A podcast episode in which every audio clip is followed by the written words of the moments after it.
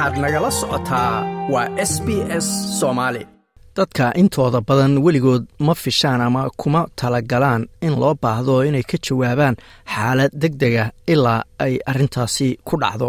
Tirakoob la sameeyey ayaa sheegaya in tirada dadka loo tababaray gargaarka deg dega ama waxaa loo yaqaano ferest aid ee dalkan australia ay aad uga yaryihiin dhacdooyinka dhaawaca keena ee u baahda jawaab ama wax ka qabasho deg dega haddaba maxay tahay sida ugu fiican ee loo baran karo gargaarka deg dega ama ferest aidka sannadkii labadii kun iyo toddobiyo tobankii ururka bisha cas ee red cross ayaa ogaaday in australia ay ka mid tahay dalalka adduunka ee tirada ugu yar u tababaran yihiin gargaarka deg dega inkasta oo ku dhowaad nus milyan qof oo dhaawacmay cisbitaalada la jiifiyo sanad walba. Dadkaas oo ay ku jiraan ku dhowaad lix boqoloo kun oo caruura qiyaas ay samaysay hay'adda la yidhaahdo royal life saving society ayaa muujinaysa in celcelis ahaan ay labaatan qof u dhintaan wadnaha oo istaagay maalin walba. Waxay sidoo kale hay'adda ogaatay in lixdan boqolkiiba dhaawacyada u baahda gargaar deg dega ay ka dhacaan guryaha gudahooda. In ka yar hal qof saddexdii shaqaale ah ayaa kalsooni ka qaba inay gargaar deg dega qof siin karaan haddii xaalad deg degii ay ku dhacdo goobtooda shaqada bak reid wuxuu shaqaalaha caafimaadka ee ambalaasyada ka shaqeeya ahaa in ka badan labaatan sano wuxuuna hadda isla maadadaasi ka dhigaa jaamacadda western sydney. Wuxuu sheegay in inkasta oo dadka intooda badan aysan qaadan tababarka gargaarka deg dega haddii aysan shaqadoodu ku khasbin haddana waxaa jira ayuu leeyahay sababo ay u fiican tahay in dadku ay tababaradaasi qaataan.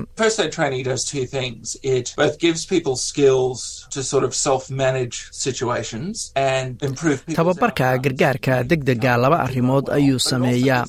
Waxay dadka siisaa xirfado ay ku maareeyaan haddii xaaladu iyaga la soo gudboonaato iyo natiijo fiican ay uga gaaraan marka ay dhaawacmaan ama xanuun qabto laakiin waxay kaloo siinaysaa kalsooni. Marka waa dariiq fiican oo dadku ku bartaan sida looga jawaabo haddii xaaladii ay la soo gudboonaato oo aan ahayn oo keliya fidinta gargaar rasmiya ee waxay kaloo u fiican tahay inaad xataa maskixiyan diyaar u tahay. Koorsooyinka gargaarka deg dega waxay dadka baraan aasaaska. Waxa aad samayn lahayd haddii xaalado deg dega ay ku soo maraan iyo sidaad u daaweyn lahayd dhaawacyada kala duwan master reid ayaa sheegay in ujeeddadu tahay in qofka dhibku ku dhacay uu heli lahaa fursad weyn oo wax looga qabto ama uu u badbaado. Ka hor inta uusan helin adeega caafimaad ee shaqaalaha caafimaadka bartay ay siinayaan.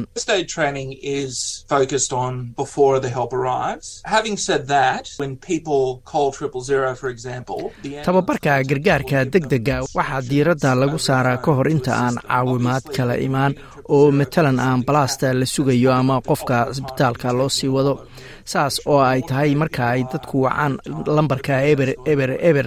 Tusaale ahaan dadka qabta telefoonku waxay ku siinayaan tilmaamo ay kugu caawinayaan oo waxa ay ku farayaan ama ku sheegayaan wixii aad samayn lahayd. Dabcanna marka aad wacayso eber eber eber oo ah marka wax dhacaan ma aha wakhtiga ugu fiican ee qofka macluumaad badan oo cusub la siiyo.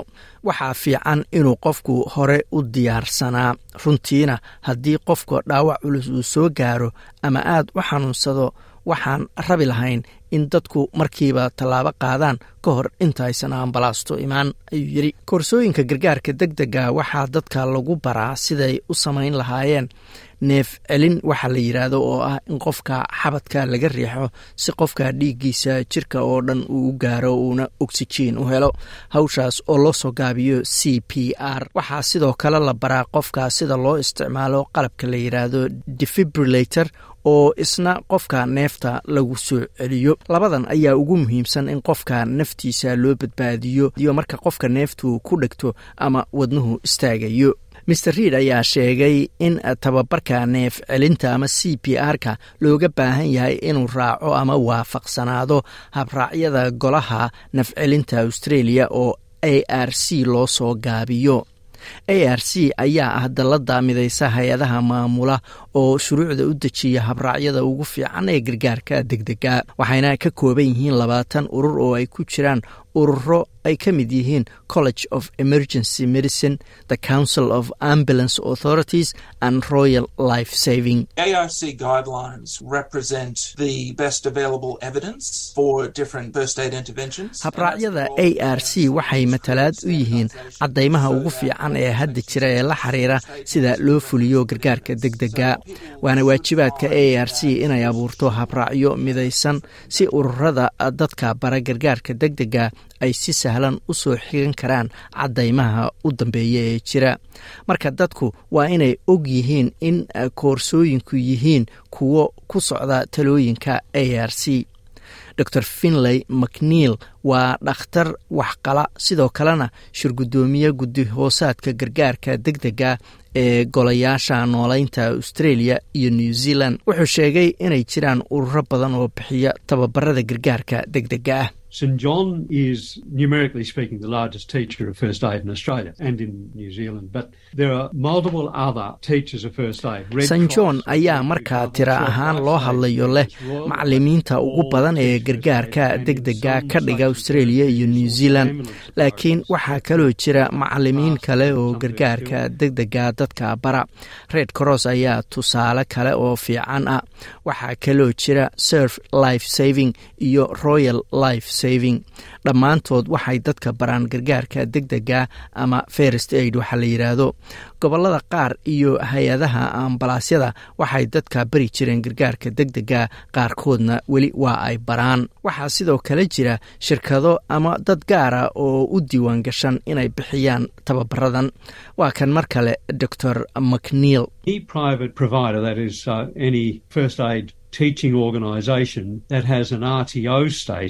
um, shirkad kasta oo gaar loo leeyahay oo bixisa tababarka gargaarka degdega oo u diiwaan gashan sidii urur tababar. Waad tegi kartaa oo waad ka baran kartaa. Waa inaad u tagto urur la aqoonsan yahay oo u diiwaan gashan inuu tababarkaasi bixinayo. Inkasta oo koorsooyinka tababarka gargaarka degdega dadku lagu baro foolka fool qaybo waxaa jira online-ka laga baran karo. Deblow waxay arrimaha gargaarka degdega u qaabilsan tahay ururka bisha cas ee magaalada brisbane.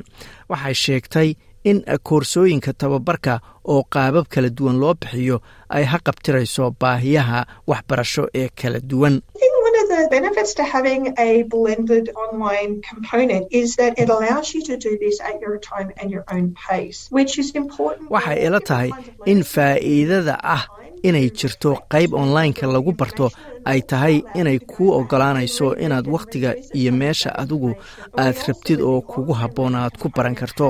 taas oo muhiim u ah dad badan oo wakhti dheeraada u baahan oo ay macluumaadkaas oo dhan ku fahmaan. mislow ayaa intaa ku dartay in waalidiintu ay helaan fursad ah inay tababaro u gaara oo gargaarka degdega siin karaan caruurtooda.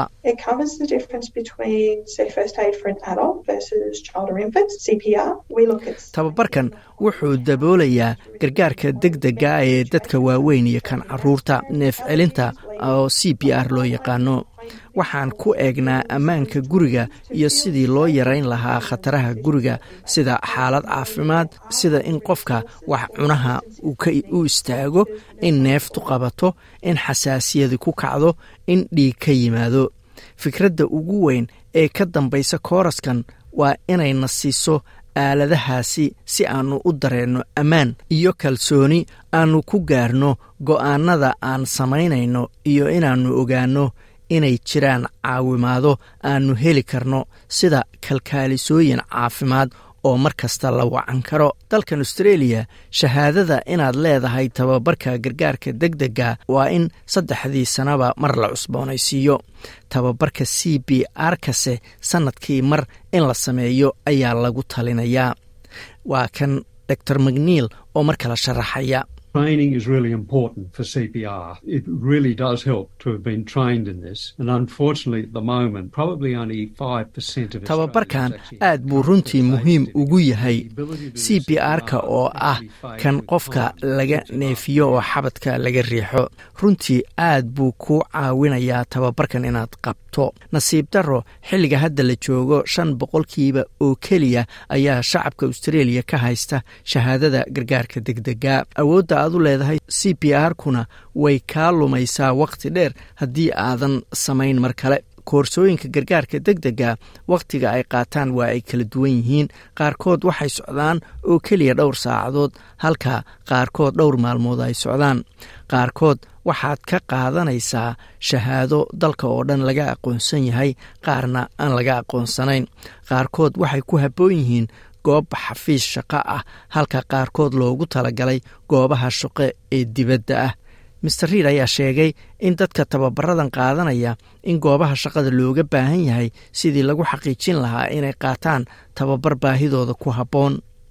Marka laga soo tago koorsooyinka la aqoonsan yahay hay'adaha aan faa'iida doonka ahayn ururada bulshada iyo hay'adaha ambalaasyadu waxay bixiyaan tababaro gargaarka deg dega oo lacag la'aana master riid ayaa ku talinaya in dadku eegaan fursadaha kala duwan ee jira. Ma doonaysaa sheekooyinkan oo kale? Ka dhegayso apple podcast google podcast spotify ama meel kasta oo aad bodkastigaaga ka hesho